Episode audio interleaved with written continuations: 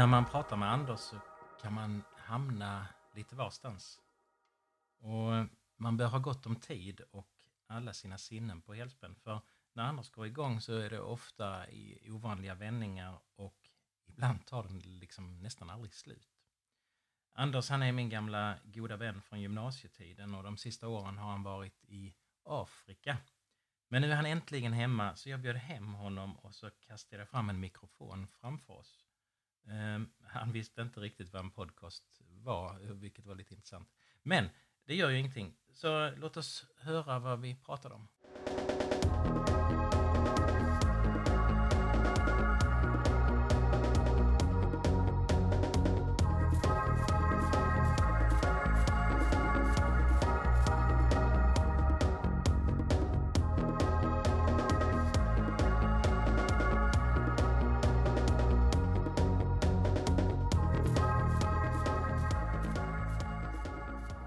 När vi pratade om att du skulle hit så sa du flera gånger att eh, eh det skulle vara svårt att hitta. Eh, jag bara tänker på... Eh, du, i, på ditt jobb till exempel så kör du till okända platser hela tiden. Ja. Men du var väldigt orolig att du inte skulle hitta hit. Nej, jag var inte jätteorolig för att jag inte skulle hitta hit. För det hade alltid löst sig. Men det var ju mer att jag var smidigare om jag vet hur jag ska ta mig hit. Och på eh, Google Maps eller någonting så hade du kunnat slå in min adress.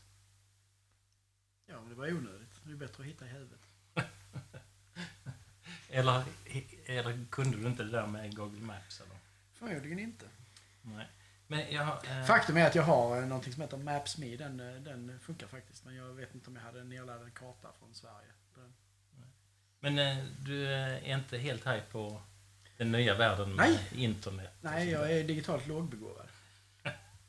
du har inte Facebook till exempel? Nej, det har jag inte.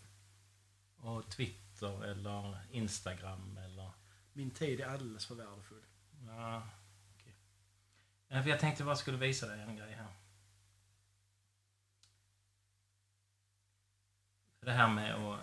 Jag antar eh, att det har lite att göra med att du, du är inte så duktig på, på att hålla på med datorer. Och... Att jag inte är med på Facebook och det, det har egentligen inte alls med det att göra. Nej, okej. Okay. Utan istället? Det är ju eh, på grund av mitt... Dels är det på grund av ett, eh, ett, ett äh, aggressivt... Äh, en aggressiv ovilja mot att vara med. För att det är ingenting där som skulle kunna intressera mig. Äh, och det andra är att det yrkes, yrkesmässigt passar det inte för mig att vara med. Det finns alldeles för många inom mitt gebit som inte kan... Ja, inte bara inom mitt gebit, men inom väldigt många gebit som inte kan bete sig på sociala medier. Plus att eh, ja, det finns en del andra säkerhetsmässiga anledningar till att jag inte är på mm. den typen av... Som har med ditt yrke att göra som gör att du inte vill Precis. exponera dig? Inte att jag inte vill bli... Ja, jag vill inte bli... Jag vill inte bli... Eh, eh jag vill inte riskera att bli... Eh, ja, att någon stöter på mig där och hittar mig där och ah.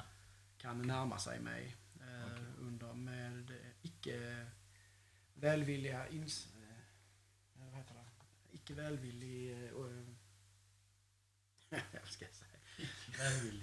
Nej, men att de har det, en dold agenda. För du är ju väldigt verbal. Ja.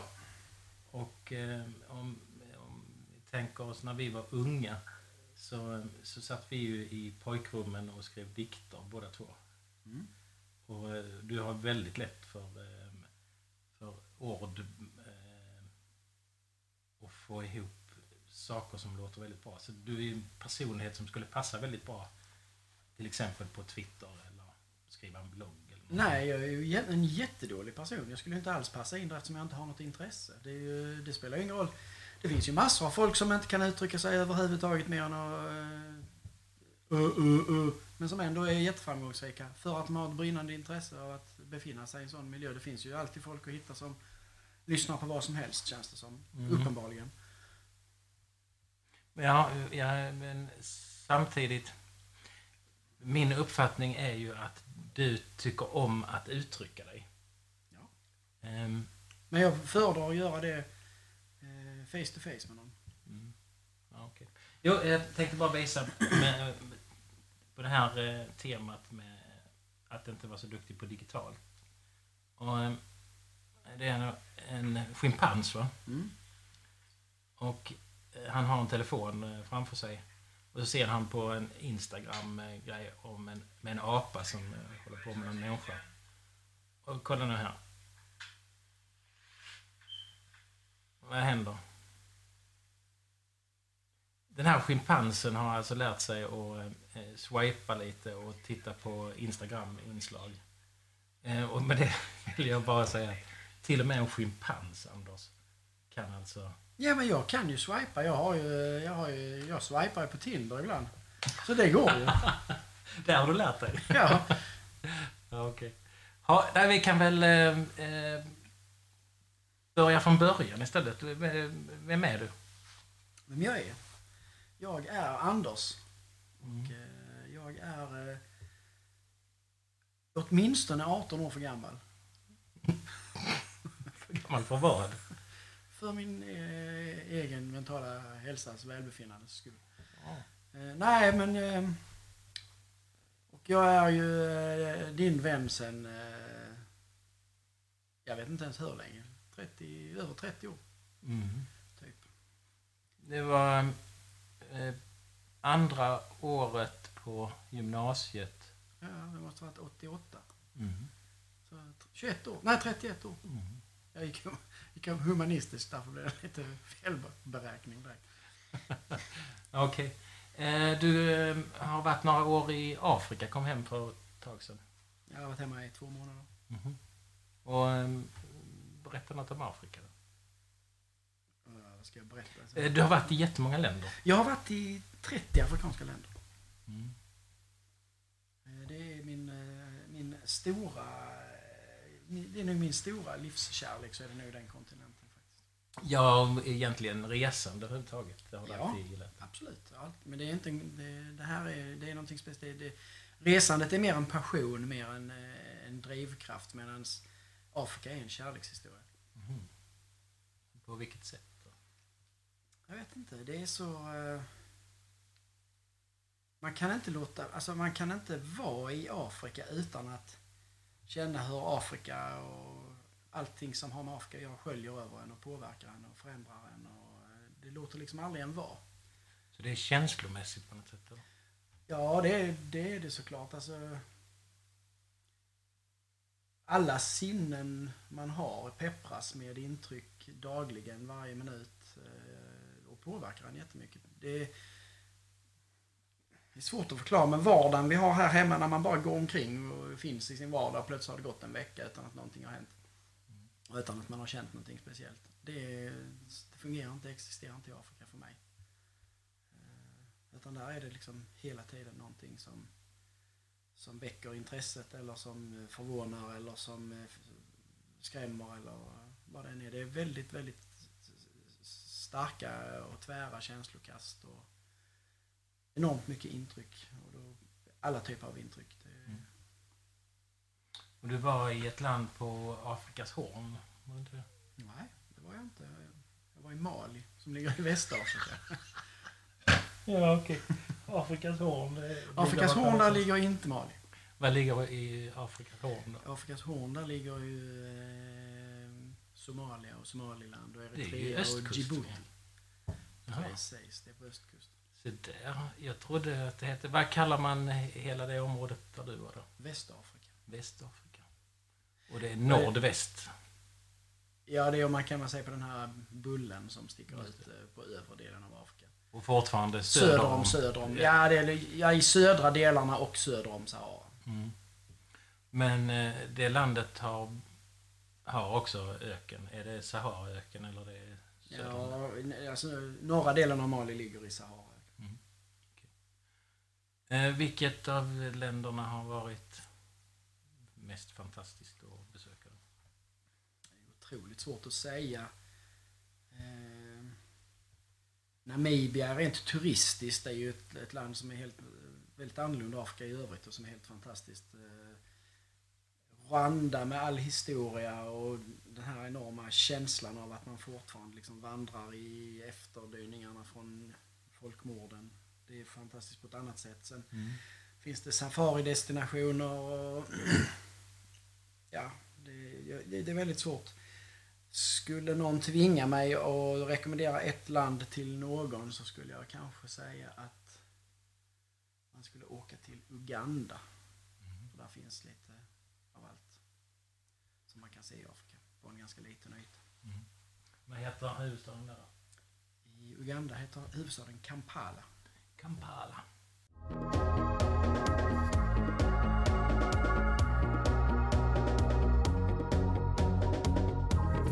Ja, eh, vi ska prata om eh, detaljer. Mhm. Eh, en sak som är en enormt stor skillnad på dig och mig. Det är att eh, jag har ett väldigt kort minne och kan inte ta in detaljer. Jag kommer aldrig ihåg detaljer. Mm. Och eh, du har... Eh, vad man än pratar om så, så minns du väldigt mycket och kan beskriva saker ner i detalj. Och eh, jag tar ett exempel. När du var i Afrika så skrev du hem långa eh, beskrivningar av landet, av historien och så vidare. Och det blev ju ofta 20 sidor långa Word-dokument som, som beskrev från eh, lång tid tillbaks och fram till idag om, om landet. Eh, läste du mycket eller hur snappade du upp eh, de här grejerna? Så jag försöker väl alltid när jag ska, om jag ska förflytta mig till en, en annan kontext, eh, en annan plats eller ett annat sammanhang eller eh, en, ja, så, så försöker jag väl alltid förbereda mig lite grann för att, så att jag ska veta var, var det är jag kommer att befinna mig. Så att jag läste på en hel del om Mali innan jag flyttade dit och Mm. jag läste på under tiden jag var där och sen pratar jag ju mycket med folk. Och, Mm. och du har ju rätt i att jag har ganska lätt för att snappa upp detaljer eftersom sånt intresserar mig. Det tycker jag är viktigt. Mm. Eh, Då gör jag hellre det än att jag swipar. Mm. och, eh, det det är inte roligt att spela eh, eh, såna här kunskapsspel med dig till exempel. För du har nog aldrig någonsin förlorat mig i något kunskapsspel. För du har liksom koll på mycket. Det säger väl en del om mig men det säger också en hel del om dig. Mm, ja, men det, jo, jag vet det. Jag är sån... Eh, jag har kanske tio historier i mig där jag kan berätta lite detaljer. För jag har inte utrymmet i min hjärna till att fånga så mycket detaljer. För en av dem kan jag berätta då, en av mina tio. Och det är att... Eh, nej, den är inte särskilt detaljerad. Men jag brukar alltid på olika eh, tillställningar komma berätta om jordgubbar. Och eh, det är så fascinerande. Det är ett partytrick som alla eh, såklart tänker att oj vad kul han den killen och, och då brukar jag liksom eh, t- ha ett välvalt tillfälle att säga Visste ni att jordgubbar, det är i själva verket en uppsvullen blombotten? Och sen kan man diskutera det. Det är inte mycket detaljer i det i och för sig. Nej, Men jag, har, ju- det? jag har lite svårt att se liksom hur man diskuterar det efter man har sagt det. Utan det skulle nog mer bli sådär, ja men eh, konstig stämning, bra snack Per, men Ja. jag måste gå och bajsa. Så hade jag nog reagerat om jag inte Ja, hade känt det. Ja. Ehm, kan du nämna vilka som eh, är i startuppställningen i eh, Liverpool? Ja, jag, höra? jag kan eh, eftersom det är Liverpool så kan jag ju alla. Därför du gillar Liverpool. Ja. Såklart. Ja. Ja, det kanske vi inte behöver. Men ta vilka är forwards? Forwards. Ja. Det är Sadio Mané, Roberto Firmino och eh, Mo Salah. Okej. Jag eh, var nämligen på eh, eh, fotboll, MFF mot Bayern, heter det Hammarby, eh, häromdagen. Och innan det så blev jag bjuden på en, ja, en förfest. Vi satt och drack lite öl innan matchen. Och där var vi tio män då, som alla, förutom jag då, var väldigt intresserade av fotboll. Och de pratade ju om alla spelarna och sånt. Och jag kom ju fram till det, jag, jag kan inte en enda spelare i Malmö. Um, och jag har ändå varit på några matcher. Så jag har försökt verkligen tänka och kom inte på en enda. Men så skulle vi göra ett tips. Ehm, så- Och där var en utslagsfråga var då vilken svensk tränare kommer till att eh, först bli uppsagd från sitt, sitt jobb? Och då insåg jag att jag kan inte en enda svensk tränare heller. Så jag är totalt värdelös på... Ja, det, ju, det måste jag ha uppfattat som udda att vara på en, eh, ett event med MFF och inte kunna en enda spelare. Ja, det var det. det, var det verkligen. Men hade jag blivit bjuden på ett sånt event och inte vet någonting om Malmö FF-spelare, då hade jag nog sett till att jag visste Ah, jag- så du hade pluggat innan? Ja, jag hade inte behövt plugga jättekraftfullt, men jag hade ju sett till att ha lite koll. Vem, vilka, vilka är forwardsen i MFF då? Ja, Jag skulle säga att det är Markus Rosenberg och han, han heter väl Markus han också, Holgersson. Ja. det. För, eh, man skulle också säga vilken MFF-spelare som skulle göra flest mål. Och då valde jag en, jag fick ju söka, googla det. Och det visade sig att han är inte med i startuppställningen, så det var lite dumt. Aha. Så var det. Bradford, vad är det? Bradford. Ja. Eh, det är en stad i England som är mest känd för en läktarbrand, skulle jag säga.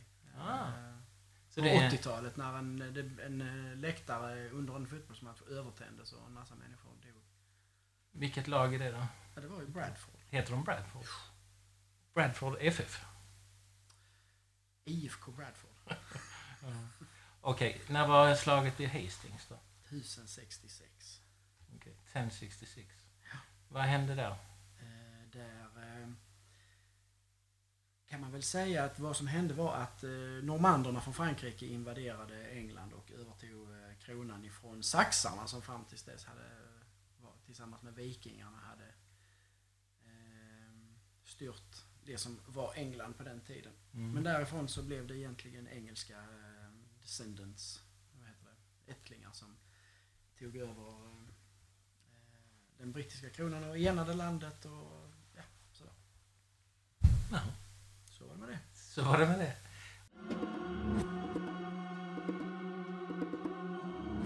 Vi ska gå över till något helt annat. Eh, I, jag håller på mycket med Twitter och där är ett, en debatt som är just nu. Det är om Sri Lanka.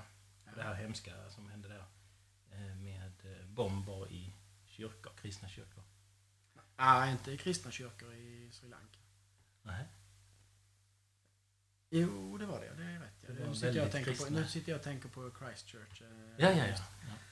Nej, det här var... Ja, så i Sri Lanka, kristna kyrkor som eh, eh, Ja, bombades. det var hotell och sånt också. Ja, eh, bland annat. Eh, som jag, jag jobbar i Danmark och eh, eh, där har det blivit väldigt eh, mycket skrivet för, eh, om det här på grund av att en eh, dansk eh, väldigt rik affärsman eh, var i Sri Lanka med sina fyra barn och tre av barnen blev eh, dödade. Och eh, han var själv skadad också men ja, eh, och det är lite på det temat jag tänkte för Sri Lanka, eh, flera hundra döda så är då den här eh, debatten på Twitter huruvida det skrivs väldigt lite och talas väldigt lite om det här för att det är så långt bort. Eh, och då jämför man till exempel med det som hände i Christchurch ehm, på Nya Zeeland. Att det skrevs så enormt mycket om det. Vår statsminister var ute och hade presskonferens om det. Men det som har hänt i Sri Lanka har liksom inte varit lika mycket skriverier. Är du, håller du med? Eller du? Det är ju så att det är ganska. Det här är jag lite intresserad av eftersom jag i Mali jobbade med terrorism och är lite terroristexpert sen eh, den, eh, den tiden. Och eh, eh, därav så är ju hela den här händelsen på Sri Lanka väldigt intressant. Det pratas ju om, det finns väldigt många teorier om vem som ligger bakom och varför det har varit så här och så. Mm. Men varför det inte... Ja, alltså vi har... Sverige har väl... Eller i våran del av världen ska jag säga så har vi väl alltid eh, filtrerat ny, nyhetsflödet ganska rejält utifrån vad som ligger i eh, våran befolknings intresse. Om vi till exempel Mm. tittar på eh, tsunamikatastrofen så, så dog det... Jag vet inte hur många det var, men eh, ett antal tusen i eh, Khao Lak. Mm. Medan det dog 200 000 i Aceh-provinsen eller 150 Mm, 000 i Aceh-provinsen i Indonesien. Och mig veterligen skickade vi noll kronor dit men vi Mm. skickade hur mycket som helst eh, till Thailand eftersom vi har, vi har en relation till det landet och vi har varit där och vi känner Kitutti, eh, hattståndet och sånt här. Mm. Eh, Och jag tror helt enkelt att det är så att i Nya Zeeland-fallet har vi lättare att relatera till eh, Nya Zeeland som land eh, eftersom Mm. Nya Zeeland och Sverige delar ganska mycket likhet. Mm. Eh, och det är också så att det fanns ju saker i Nya Zeelands-fallet som jag förstår det som var, som påverk, alltså som var direkt påverkade i Sverige. eh, Eller som, som härrörde från Sverige eftersom gärningsman hade namn från offren på Drottninggatan eh, på Mm. sitt vapen. Och då blir det direkta länkar. Sri Lanka är nog ett land som vi har en ganska sparsam relation till. Mm. Så att, att, det inte, att det är långt borta, där faller det ju på sin egen logik eftersom Sri Lanka är ju typ hälften så långt borta som eh, Nya Zeeland. Ja, ja. Men jag tror att det är, Nya Zeeland är ett, är ett eh, land befolkat av vad ska vi säga, europeer, för, Mm. eller för detta europeer. Eh, och vi har väldigt mycket likheter med Nya Zeeland, kan relatera till det landet av den anledningen. Vi har hört mer, tror jag, om Nya Zeeland än vad vi har hört om eh, Sri Lanka. Sri Lanka, när vi väl har hört någonting om Sri Lanka så har vi förmodligen antingen hört om eh, adoptivbarn eller eh, tamil, tamilska tigrarna eller vad de Mm. heter och alla terrorister. Så att det, det känns som en, en, en... Det finns inte tillräckligt mycket anknytning till vårt samhälle för att det ska nå högst upp på eh, löpsedlarna. Jag, jag har själv upplevt det här från närmsta håll när jag var på en annan mission i, i Kongo. Där eh, jag, bodde i en stad och så eh, blev det ett överfall där man sköt, sig, sköt ihjäl en herrans massa människor. Och jag hade telefontrafiken och allting stängdes ner. Jag hade väldigt svårt. Men jag lyckades komma igenom hem för att meddela till dem här hemma att jag är okej. Mm. Att inte jag hade råkat illa ut. Och eh, ingen här överhuvudtaget. Till sist så var det en kompis till mig som lyckades hitta någon liten notis på BBCs hemsida. Men i Sverige så nådde detta inte fram överhuvudtaget. Så att det hade varit bättre för mig att inte ringa hem för då hade ingen oroat sig. Nu var det så bara, jag skulle bara säga att jag är okej. Jaha. Ehm, Så att, så där är det. Och som sagt, jag tycker att det mest slående exemplet på, på, ehm, på det är väl kanske just eh, tsunamikatastrofen. Mm. Sen har ju vi i Sverige, som jag upplever det, en, en, en, en benägenhet att fokusera på väldigt udda ting. Vi kan liksom eh, riva upp hela världen för att eh, tågtrafiken går dåligt på vintern när det är kallt och för Mm. att eh, noshörningsungen Nelson inte kan resa sig.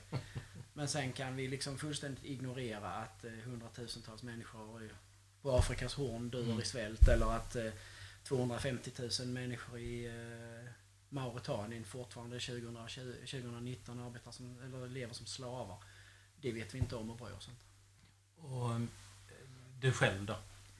Ehm, Tänker du att du bryr dig mer eller är du en del av det? Eh, jag kan väl säga som så här att jag har blivit mer medveten av mina missioner. Jag har blivit mycket mer eh, eh, benägen att, att eh, dela med mig av alltså mitt mitt välstånd eller vad man ska säga. Mhm. Jag skänker mer pengar och jag har hjälpt massor av folk där nere. Mm. Eh, Men det är klart att alla är vi barn av vår tid och vår, vår, vår kultur. Så att eh, det är mycket man inte, inte reflekterar så mycket över som man borde göra. Och Samtidigt så kan man bara hantera ett visst antal gigabyte information i Mm. vår hjärna Ja, och då måste man kanske sortera upp det. Men jag har definitivt blivit mer med omvärldsorienterad och mer medveten och mer eh, eh, känslomässigt eh, känslomässigt intellektuell Mm. av att eh, ha rest mycket och bott utomlands.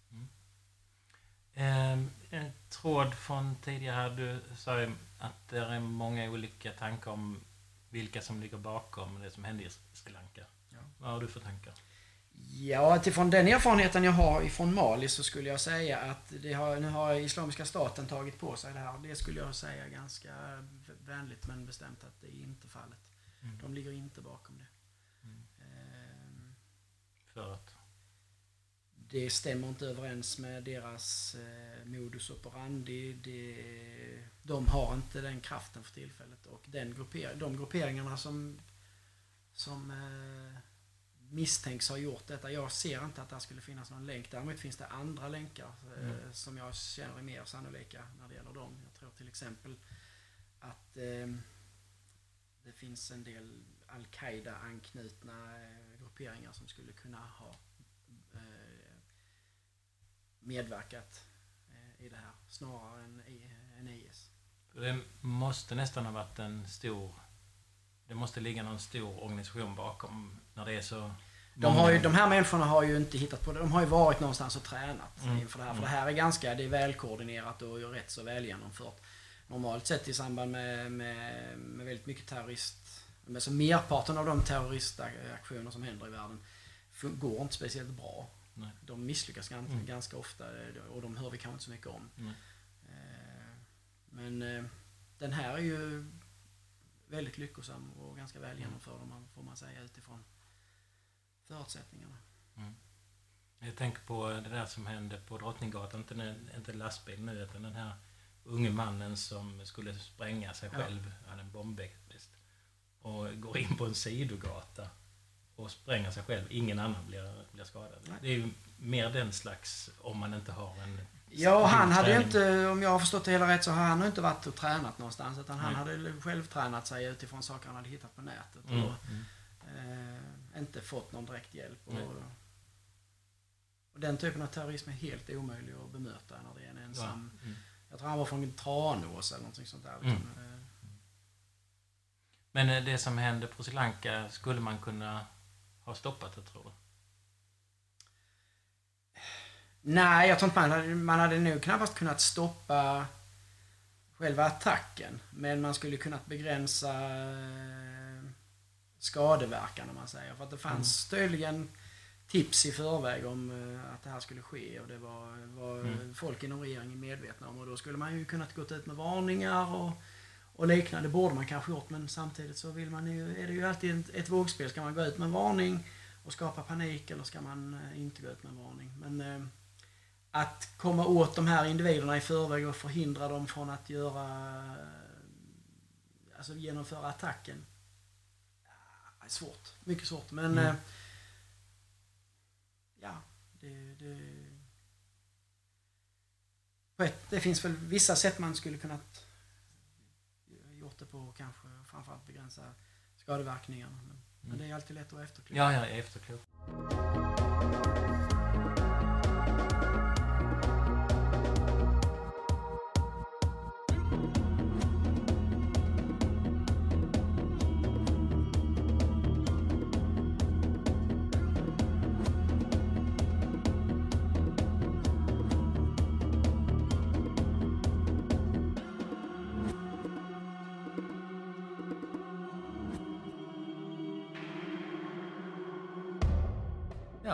Ungefär så där blev första avsnittet.